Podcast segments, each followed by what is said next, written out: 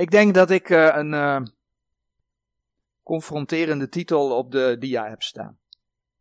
Namelijk, de Statenbijbel heeft de tekst van de eerste christenen. Nou, dat moet je dus niet zeggen tegen de meeste bijbelleraren en theologen. Want dan gaan ze stuiteren. En toch ga ik voor deze titel. En ik ga daar vandaag voorbeelden van geven. De Statenbijbel heeft de tekst van de eerste christenen. Weliswaar in de Nederlandse taal, maar wel de tekst van de eerste christen. Iets meer dan twee jaar geleden heb ik gepreekt over het thema God heeft zijn woord bewaard. Op ons BitShoot kanaal kun je daar de video van bekijken. De video met de titel God heeft zijn woord bewaard. Ik heb hier op de dia daar een screenshot van gemaakt. De Heere God heeft in zijn woord een belofte gedaan om zijn woorden voor ons mensen te bewaren. Hè? Psalm 12, vers 7 en 8, die zeggen, de redenen des Heren zijn reine redenen, zilver gelouterd in een aardesmeltkroes, gezuiverd zevenmaal. Gij, Heere, zult hen bewaren, gij zult hen behoeden voor dit geslacht tot in eeuwigheid. En wat hij belooft, wat de Heere belooft, dat doet hij. Dat zien we door zijn woord, de Bijbel heen, en dat zien we door de geschiedenis heen. Als je dan gelooft dat de Heere God zijn woorden bewaard heeft, en als je kunt identificeren waar de bron van de vervalsing zit, en die kun je aanwijzen. En je kunt ook aantonen hoe Gods woord bewaard tot ons gekomen is. Als God zijn woorden bewaard heeft, dan is toch dat woord wat tot ons gekomen is, is dan toch zijn woord wat hij bewaard heeft. Dus dan betekent het dat wij de tekst moeten hebben die we nodig hebben, die God ons gegeven heeft, die de eerste christenen hadden. Anders blijven we in het sprookje geloven dat in deze Laodicea-tijd wetenschappers ons het woord van God gaan teruggeven. Nee dus. Gaat niet gebeuren. Want we leven in Laodicea. Dus God heeft zijn woorden bewaard. En dan komt de vraag, we willen God altijd geloven op allerlei beloftes. Zeker als dat voor ons goed uitkomt. Zo werkt dat vaak bij mensen. Ook als er nood is, dan gaan we staan op de belofte. Heren, u doet alle dingen medewerken ten goede. Mag je aan vastklampen. Geloof je die belofte of niet? Maar dat geldt dus ook voor de belofte dat de Heer zijn woorden bewaard heeft. Dat is een belofte. Gij zult hen behoeden voor dit geslacht. De Heer zou dat doen. Ga daarop staan. In de hele geschiedenis spelen een aantal plaatsen daar een rol in. Jeruzalem. Jeruzalem waar alles begon. Of waar alles begon, maar als het om de gemeente gaat, hè, uitstorting van de Heilige Geest, vond in eerste instantie in Jeruzalem plaats. Handelingen laat dan zien dat iets verderop, dat Antiochieën, Jeruzalem in Israël hier zo, en dat de Antiochieën, dat dat het centrum werd van de evangelieverspreiding. Maar daarmee ook van de verspreiding van Gods woorden, van de handschriften van Gods woorden. Nou, zo laten zowel Gods woord als de geschiedenis zien dat er in die tijd al een strijd was tussen de gelovigen die in Antiochië woonden en de gelovigen die in Alexandrië woonden. Er was strijd. Want in Alexandrië was men bezig ja, om Gods woorden zogenaamd begrijpelijker te maken. Hè. We kennen het. Ieder paar jaar doen ze dat tegenwoordig. Gaan we het begrijpelijker, maar nog begrijpelijker. Daar waren ze toen al mee bezig en men had toen de intentie om dat begrijpelijker te maken door middel van de Griekse filosofen. Door middel van Griekse filosofie. Vandaar dat in Alexandrië Griekse filosofie met Gods woorden vermengd werden. Nou, en dat is juist waar de schrift tegen waarschuwt. En dat vers willen we nog een keer lezen. Colossense 2 vers 8. In Colossense 2 vers 8 er staat het volgende geschreven. Zie toe dat niemand u als een roof vervoeren door de filosofie, filosofie en ijdele verleiding naar de overlevering der mensen, naar de eerste beginselen der wereld en niet naar Christus. Colossense 2 vers 8. De filosofie brengt je dus niet naar Christus. Dat staat daar. maar naar de overlevering der mensen, naar de eerste beginselen van de wereld. En dat hebben we gezien. Alexandrië werkte, in Alexandrië werkte men aan een vervalsing van de schrift. Het werd de bron, de Alexandrijnse handschriften, van de rooms-katholieke vervalsingen uit de middeleeuwen en daarna. Maar het rooms-katholieke systeem, we hebben het eerste uur nog bij stilgestaan, is notabene een systeem van afgoderij. Het was de reformatie die mensen Gods woorden weer terug in handen gaf, vrij van de Alexandrijnse invloed. Vrij van de Alexandrijnse vervalsingen. Maar daar waar men in de jaren 1800 de Alexandrijnse handschriften opnieuw ontdekte, Vaticanus, Sinaiticus, en sinds circa 1880 na Christus voor de nieuwe vertalingen is gaan gebruiken, ontstond er door de schriftkritiek een vloed aan nieuwe vertalingen. En ze bestaan allemaal uit weglatingen van en toevoegingen aan en veranderingen van de woorden van God. En in deze tijd wordt dat heel duidelijk zichtbaar. Heel duidelijk zichtbaar in het ongeloof en de afgoderij die bijvoorbeeld het Nederlands Bijbelgenootschap in haar NBV studiebijbel laat zien. Ik heb daar de voorbeelden wel eens van aangehaald. Kun je ook in die video terugluisteren. Dus als je dat verhaal uitgebreid wilt terughoren, dit is een beknopte samenvatting. Als je dat uitgebreid wilt terughoren, beveel ik die video God heeft zijn woord bewaard aan. Luister die nog eens na. Nou, vandaag willen we stilstaan bij het feit dat de tekst van de Reformatiebijbel, onze Statenbijbel, de King James 1611, in tegenstelling tot wat wetenschappers en bijbelleraren altijd beweren, dat die terug te voeren is tot op de eerste christenen. En we doen dat aan de hand van de Gotische Bijbel. Deze Gotische Bijbel wordt ook in die besproken video, de video die ik net genoemd heb, wordt die ook genoemd. Maar in deze boodschap gaan we wat dieper daarop in. En zullen we zien hoe bijvoorbeeld de Gotische Bijbel aantoont dat we met onze Statenbijbel en de King James 1611 Gods woorden in handen hebben, omdat de Heere door de geschiedenis heen zijn woorden bewaard heeft. En ik hoop dat de voorbeelden die we iets verderop gaan bekijken, dat die, ja, dat die iets duidelijk maken. Dat die je ook extra bewijs geven. Zo van, ik mag echt wel weten dat ik Gods woorden in de handen heb. Ik vond het heel mooi om te zien. En dat wil ik graag doorgeven. Als je in boeken over de kerkgeschiedenis gaat kijken, dan wordt vaak beschreven hoe de middeleeuwen, hoe dat een tijd was waarin de Rooms-Katholieke Kerk heerste. Nou, dat is een feit, hè, want de Rooms-Katholieke Kerk heerste toen. Maar heel sumier wordt er dan vaak verteld dat er ook andere stromingen waren. En die stromingen worden vaak in navolging van Rome ketters genoemd. Feit is echter dat veel van die stromingen veel bijbelgetrouwer waren. Veel bijbelgetrouwer dan de Rooms-Katholieke Kerk. En je zou die andere stromingen eigenlijk de bijbelgelovigen van de middeleeuwen kunnen noemen. Binnen diverse groeperingen werd ook in die tijd wel degelijk Gods woord gelezen. Wij denken altijd dat mensen Gods woord in die tijd niet lazen, want dat mochten ze van de Rooms-Katholieke Kerk niet. Maar buiten de Rooms-Katholieke Kerk, in die andere kringen, daar hadden ze wel degelijk beschikking over de woorden van God. En die werden gelezen, die werden geleerd, die werden verkondigd. En doordat zij Gods woorden lazen, accepteerden die mensen niet de leer van de alomachtige Rooms-Katholieke Kerk. Ja, en als gevolg daarvan werden ze door kerk en staat, hè, want Rooms-Katholicisme was staatsgodsdienst, werden ze vervolgd. En dan kom je bij een evangelische boekhandel. Ik spreek in je, dat het is mij overkomen, want deze staat bij mij in de boekenkast, de atlas van de Bijbel en de geschiedenis van het christendom.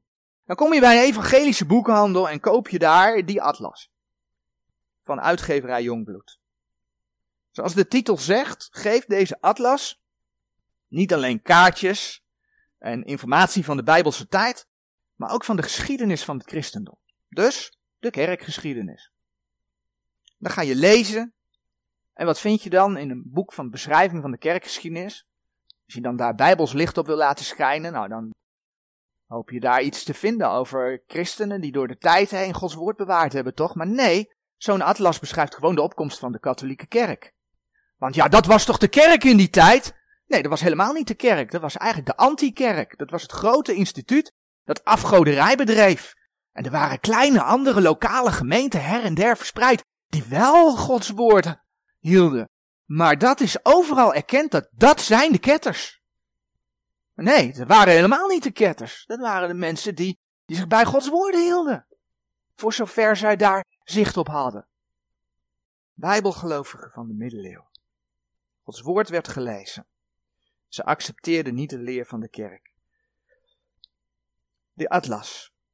Wat vind je daarin? Nou, bijvoorbeeld uh, de bedevaartstochten die gemaakt zijn. Het ontstaan van monniken. De rooms-katholieke zendingsreizen. De kloosterhervormingen. De kruistochten tijdens de middeleeuwen worden beschreven. Ja, en over anders denken, daar is in ieder geval één bladzijde, eh, misschien twee, over opgenomen. En je raadt het al, die andersdenkenden worden dan als ketters beschreven. En tegenwoordig, inderdaad, ik hoor het al zeggen, tegenwoordig hebben ze een nieuwe ketterclub georganiseerd en dat zijn nu de wappies.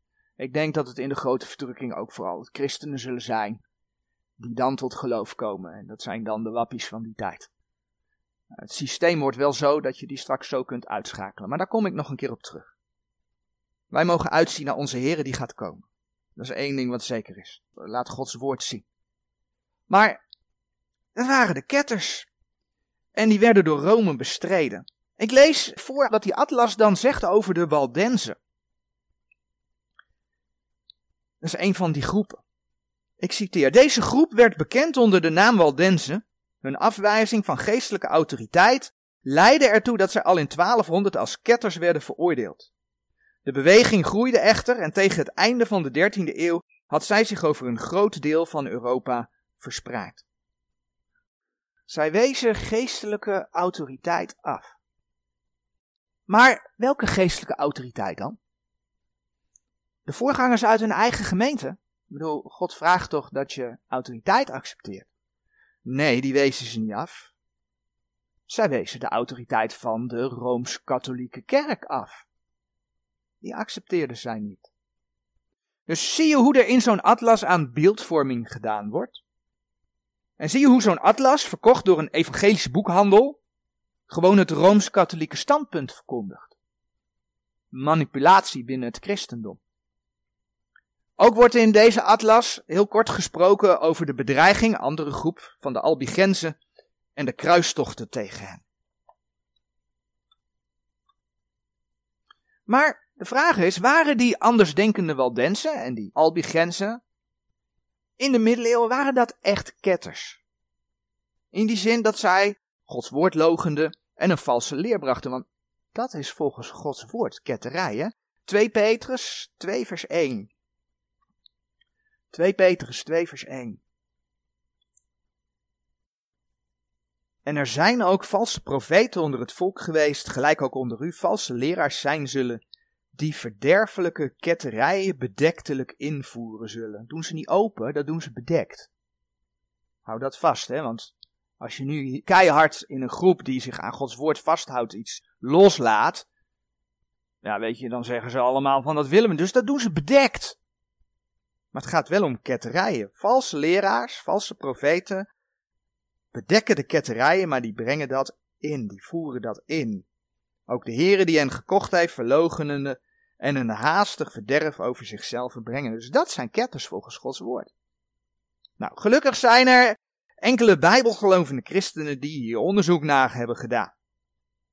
Waardoor, zij het in geringe mate, echt wel dingen bekend zijn, informatie beschikbaar is over ja, deze mensen. En dan bedoel ik dus de mensen die in de middeleeuwen leefden. Vanaf ongeveer 650 na Christus zijn de Paulicianen bekend. Hun oorsprong ligt in Syrië. En zij verspreiden zich via Klein-Azië.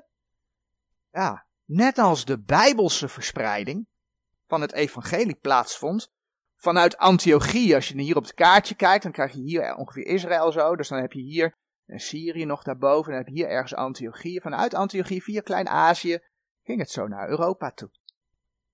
Dus de Bijbelse verspreiding, handelingen 11 vers 26, die de Heer in zijn woord aantoont. Die Paulicianen verwierpen de Rooms-Katholieke hiërarchie. de rooms-katholieke sacramenten, de verering van kruisen en andere voorwerpen. En ja, je raadt het al, zij werden bestempeld tot ketters en zwaar vervolgd. Onder die zware vervolgingen gingen ze zich juist verspreiden. Dat ging verder Europa in, via Bulgarije en de Balkan, naar Noord-Italië en Joegoslavië. En daar ontstonden groepen christenen die vervolgens de naam Waldense en Albigense kregen. In Italië werden de Paulicianen ook wel Kataren genoemd.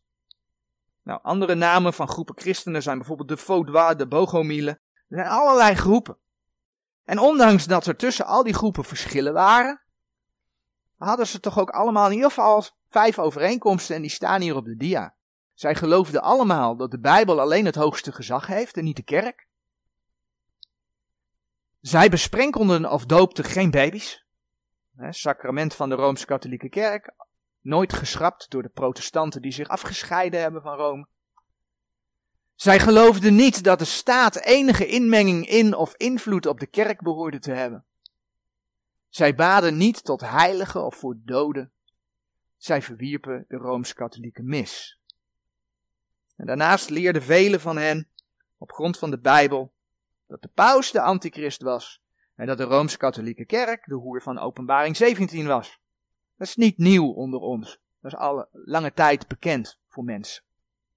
Nou, dat dit ook in de middeleeuwen verkondigd werd, dat hoor of lees je niet veel. Maar het werd in die tijd al verkondigd. Aan de hand van Gods woord. In een geloofsbeleidenis van de Waldense uit het jaar ongeveer 1150 na Christus lezen we bijvoorbeeld het volgende, en ik citeer een klein stukje. Deze geloofsbeleidenis is geschreven over de Rooms-Katholieke Kerk. Komt uit de kring van de Waldense. In geloofszaken heeft de Heilige Schrift het hoogste gezag. Wat niet overeenkomt met het woord van God moet verworpen en vermeden worden. Het lezen en de kennis van de Heilige Schrift is toegestaan en is nodig voor alle mensen, zowel voor de geestelijke als voor de gewone mens. De geschriften van de profeten en de apostelen zijn belangrijker om te lezen dan de commentaren van mensen. De mis is onheilig en de mis voor de doden is waanzin. Het vagevuur is een uitvinding van mensen, want zij die geloven gaan het eeuwige leven in, en zij die niet geloven komen in de eeuwige verdoemenis. Het vereren van doden heilig is afgoderij. De kerk van Rome is de hoer van Babylon.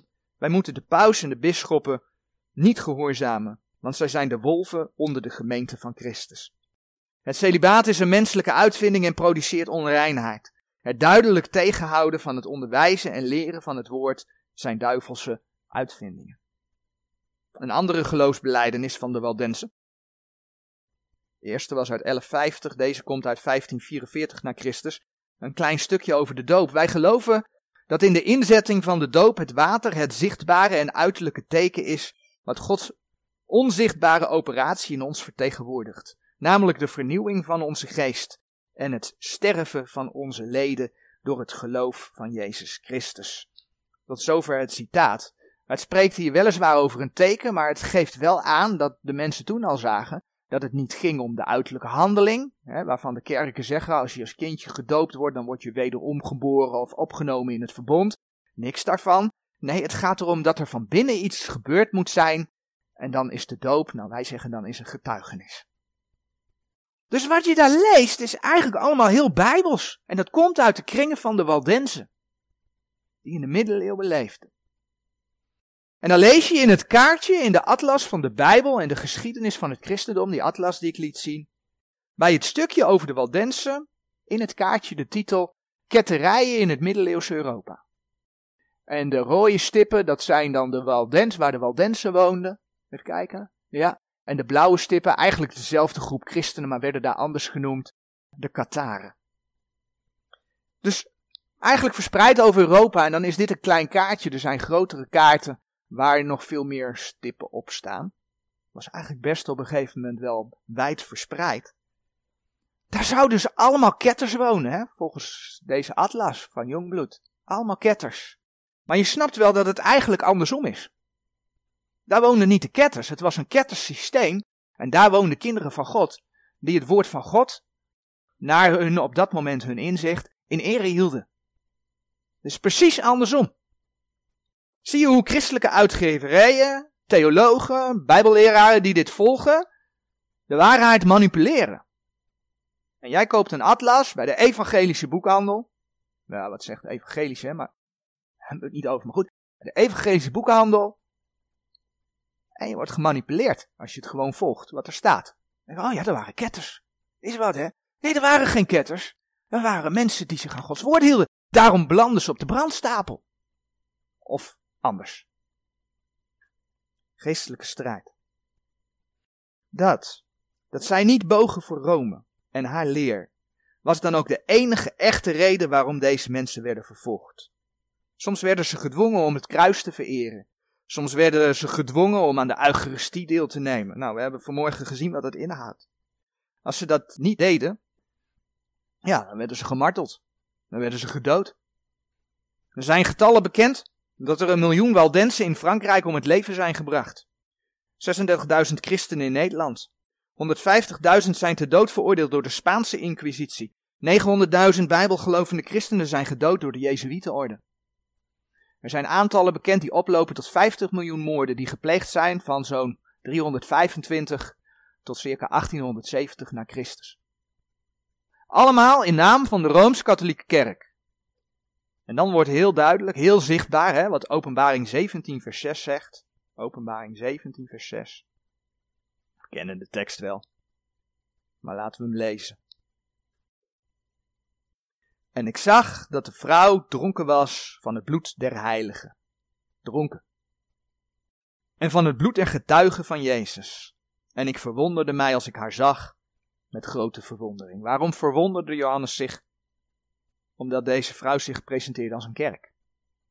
Grote hoer. Met de Vaudois, de Waldensen, de Albigensen en vele andere fundamentele groeperingen verspreidde de Bijbel zich reeds vroeg in het Latijn. Zij spraken Latijn, in het Latijn door Europa. En die oude Latijnse vertaling was reeds, en dan komt hij, in 157 na Christus, is dat al bekend, dat het in omloop was.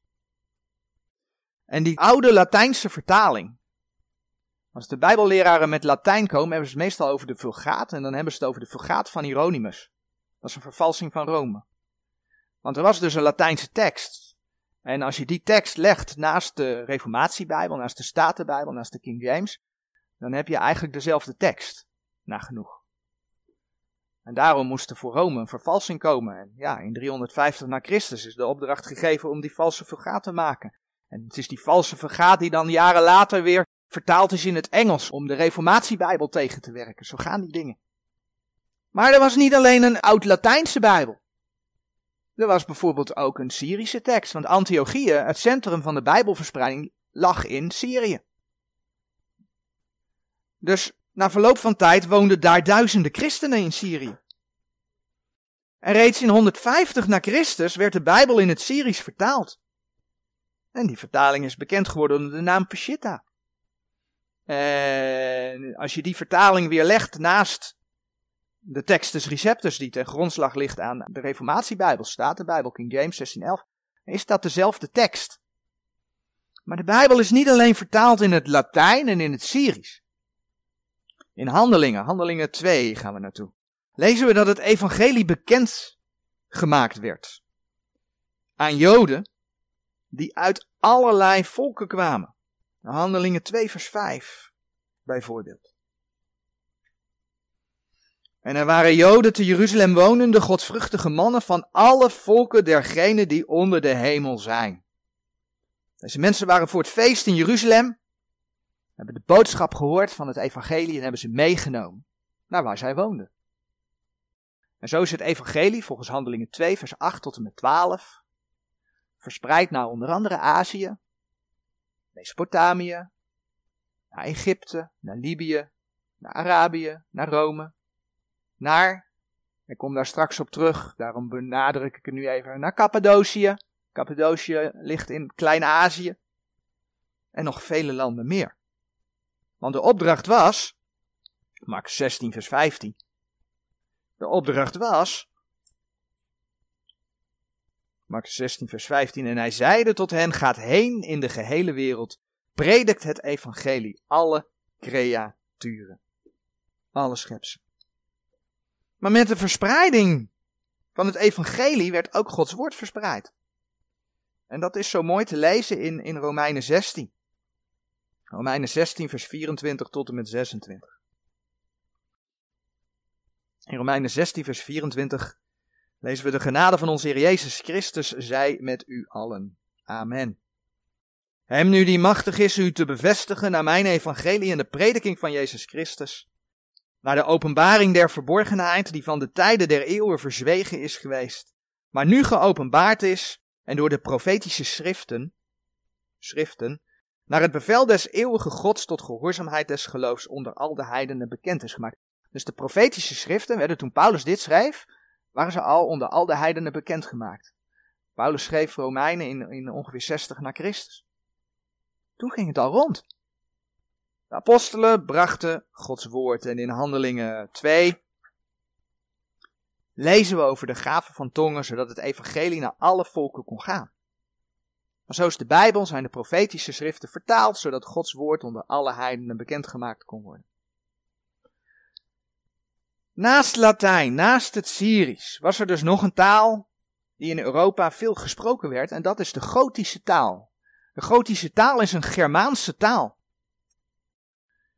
De Goten hebben zich vanuit Scandinavië verspreid over grote delen van Europa. Ze zijn in de tweede en derde eeuw zuidoostwaarts getrokken over Polen, Wit-Rusland, Oekraïne. Uiteindelijk zijn ze over Italië, Frankrijk en Spanje verspreid. En in die tijd hadden vele groten de Heer Jezus al gevonden. Vele groten waren christen geworden. Door gevangenen die ze maakten, die getuigden, door predikers die tot hen kwamen met het evangelie, door kooplieden en door handelaren. Het woord verspreidde zich. En zo was daar ene Wulfila. Wulfila die ook wel de apostel van de grote genoemd wordt. En zo wordt hij genoemd. Ik wil daar even van af zijn, want de laatste apostelen waren weg, hè? 1 Korinthe 4 vers 9. Maar zo wordt hij wel genoemd. Wulfila die bekend is geworden door zijn vertaling van de Bijbel in het Gotisch. Volgens Wiki stamde deze Wulfila waarschijnlijk af van een Gotische vader. Dan komt hij een Cappadocische moeder. De plek waar het evangelie terecht kwam. Andere bronnen bevestigen dat en vermelden dat zijn grootouders christen waren. Zij waren directe bekeerlingen van de vreemdelingen, en dan zoeken we 2 Petrus 1 vers 1 en 2 op. Directe bekeerlingen van de vreemdelingen die onder andere in Cappadocië verstrooid waren. En daar maakt Petrus melding van. In 1 Petrus 1, vers 1 en 2. Petrus, een apostel van Jezus Christus, aan de vreemdelingen verstrooid in Pontus, Galatië, Cappadocië, Azië en Bithynië, de uitverkorenen naar de voorkennis van God de Vader in de heiligmaking des geestes tot gehoorzaming en besprenging des bloeds van Jezus Christus. Genade en vrede zij u vermenigvuldigd. Nou, eigenlijk met name om vers 1. Petrus, een apostel van Jezus Christus aan de vreemdelingen, verstrooid in Pontus, Galatië, Cappadocië, Azië en Bithynië. Deze vreemdelingen, Joden in de verstrooiing, verkondigden het evangelie in Cappadocië. Het waren Joden die vreemdeling waren daar. En zij verkondigden het evangelie. En onder andere de grootouders van Woefila kwamen tot geloof als je dan bedenkt dat dus Wolfila die gotische Bijbel heeft opgesteld, dan hebben dus de grote de Bijbeltekst gewoon uit de eerste hand. Gewoon uit de eerste hand. De eerste christenen verspreidden zich naar Cappadocië. Maar ook Paulus' zendingsreizen gingen bijvoorbeeld daarover, hè, want we hebben het over Cappadocië in Klein-Azië. Nou, hier aan de grens ligt Efeze bijvoorbeeld. En zo zijn meer plaatsen in de Bijbel in dit gebied te vinden. Paulus reisde hier door. Hier werd het evangelie verkondigd. En ook daar zijn de groten in, de derde eeuw na Christus geweest. Nou, zo was er dus Wulfila die voor de goten de Bijbel vanuit het Oud-Grieks vertaalde naar het Gotisch, waarvoor hij onder andere het Gotische alfabet ontwierp. Nu laat bijvoorbeeld Wikipedia zien dat het niet duidelijk zou zijn welke Griekse tekst of teksten de basis voor zijn werk waren. Nou, vanuit de gevestigde theologische wetenschappen, om het dan maar zo te zeggen, is het te begrijpen dat ze dat zo formuleren. Want de gotische tekst getuigt namelijk van de, ja, de meerderheidstekst. Van de textus receptus. Dus ja, weet je, dan kun je beter zeggen dat we het niet weten. Want zij gaan van de Alexandrijnse handschriften uit, zeggen dat dat het oudste is. En die dateren de oudste in 350 na Christus, geloof ik. Maar die zijn dus anders. Ik heb het niet hierin verwerkt, maar als je dan ook nog beseft dat die Alexandrijnse handschriften maar heel klein in aantal zijn. De ouderdom, zeggen ze dan, zou dichter bij het origineel staan. Nou, de gotische tekst is dus eigenlijk ouder. De oud-Latijnse tekst ook. Maar ja, dat is niet Grieks. Snap je? En zo redeneert men dan. Dus men wil altijd naar het Grieks. Terwijl er oudere bronnen zijn die getuigen van de tekst die God gegeven heeft. Je vindt hem bijvoorbeeld in het Gotisch.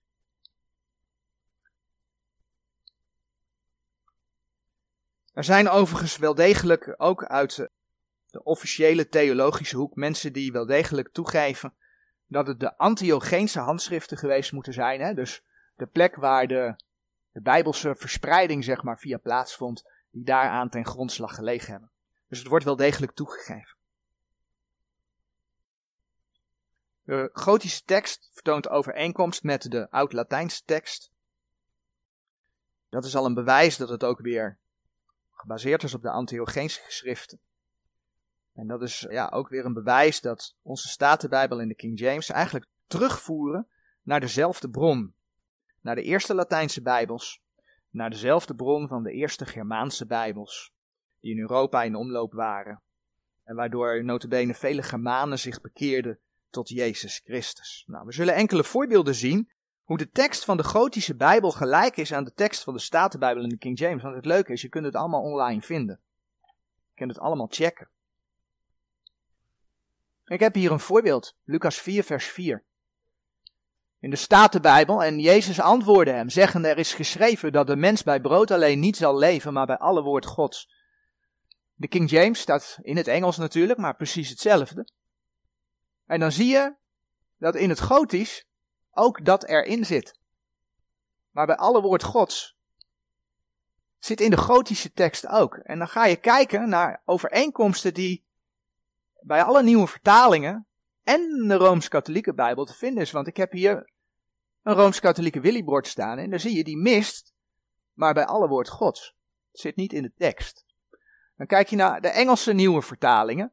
Hè, ASV, RSV, van 1901, 1947, maar dat geldt ook voor de NIV, de New, World Translation, Jehovah-getuigen.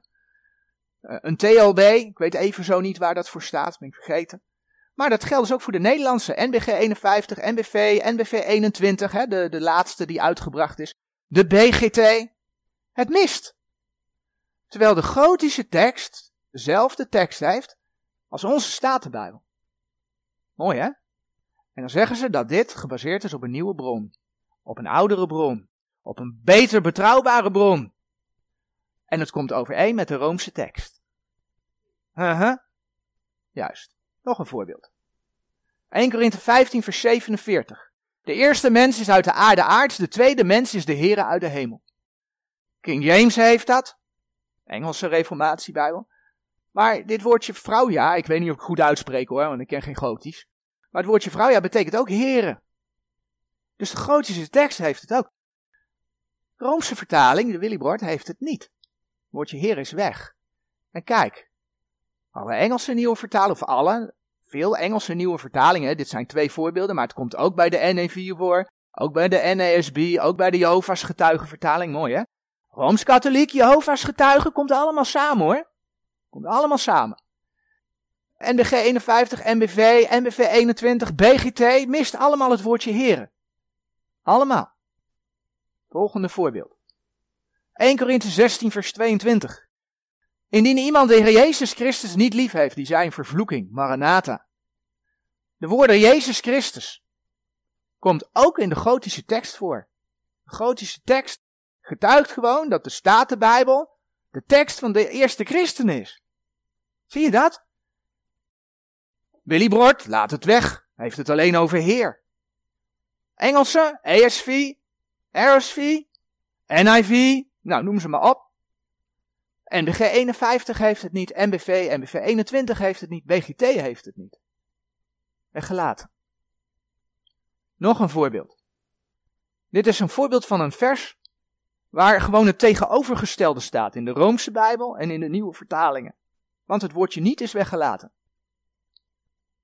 Dat dan niemand u overheersen naar zijn wil in nederigheid en dienst der engelen intreden in hetgeen hij niet gezien heeft. Te vergeefs opgeblazen zijn door het verstand zijns vleeses. De King James heeft not seen. En hier herkennen we het woordje niet in het Gotisch voor het niet. Komt ook voor in het Gotisch. En dan lezen we de Roomse Willibord, daar hebben ze het niet over het niet zien, daar hebben ze het juist over het welzien. Het doorforsen van hun visioenen, dat is iets wat je gezien hebt, toch? Dus het woordje niet is weggehaald. Kijk je naar de nieuwe vertalingen, dan zie je dat in de Engelse nieuwe vertaling is het woordje niet weggelaten. In de NBG staat heeft aanschouwd, dat is dus zien, wel er stond niet zien. En hier gaat het ook over de NBV en de NBV 21 over het verdiepen in visioenen. En de BGT heeft het over bijzondere dromen hebben. Dus zien, in plaats van niet zien. Ik heb hier nog een voorbeeld. Het blijkt gewoon weer precies hetzelfde. 1 Timotheus 2 vers 7. Waartoe ik gesteld ben een prediker en apostel. Ik zeg de waarheid in Christus, ik lieg niet. Een leraar der heidenen in geloof en waarheid. Nou, in Christus kom je in de King James tegen, de oudere Engelse reformatiebijbel, en je komt het tegen in het Gotisch. In Christou, nou dat kunnen we wel herkennen toch, dat daar in Christus staat. Willy Bord, ik spreek de waarheid. In Christus is weg. Ga je dan naar de nieuwe Engelse vertalingen kijken, en natuurlijk twee als voorbeeld, dan staat daar, I'm telling the truth, in Christ is weg. I speak the truth, in Christ is weg. Net zo goed in de NIV en de Jehovah getuigenbijbel, hè, ook weg. Maar NBG 51, ik spreek de waarheid. In Christus is weg. Net zo goed MBV, MBV 21 en de BGT. Ja. En het komt overeen met Rome. Ja. Dus je ziet dat de nieuwe vertalingen zijn een kopie van de valse tekst, terwijl mensen door de loop van de tijd heen altijd gewoon de goede tekst in handen hebben gehad. Weet je, dit zijn slechts enkele voorbeelden. Er zijn er vele meer. Voordat de Roomse vervalsingen er waren, was Gods woord al wijd verbreid. Erasmus wordt altijd aangevallen op zijn Textus Receptus werk. Ik voeg er nog weer een feit tussen. Maar wat me nooit vertelt is dat Erasmus heel Europa afgereisd heeft in die tijd. En dat hij alle mogelijke bronnen gebruikt heeft. Dus hij wist van de gotische. Moet ik even oppassen. En ik denk dat hij daar ook van geweten heeft. Maar hij wist bijvoorbeeld ook van Vaticanus. Hij wist van de vervalsingen. Erasmus was Rooms-Katholiek. En er werden bewuste keuzes gemaakt om tot de Textus Receptus te komen. En de wetenschap tegenwoordig zei, oh, Erasmus heeft het snel gedaan. Waardeloos. Is niet waar. Hij heeft alle bronnen vergeleken. Het leuke is ook dat de Bijbel in heel Europa, ik heb zo'n olieglot vertaling heet dat geloof ik. Uh, Deens, Duits, Engels, Nederlands. Bijbelteksten altijd gelijk geweest. In grote lijnen. Er zijn wel enkele kleine verschillen. Maar in grote lijnen is echt altijd gelijk geweest. Het is heel mooi om te zien door heel Europa bijvoorbeeld heen. Echt. Voordat de Roomse vervalsingen waren, was Gods woord al wijd verspreid. En ja, we zien toch dat onze nieuwe vertalingen een terugkeer zijn naar de Roomse tekst. De Roomse vervalsingen. Terwijl we met de Statenbijbel en de King James 1611 de tekst hebben zoals deze door de apostelen aan ons overgeleverd is.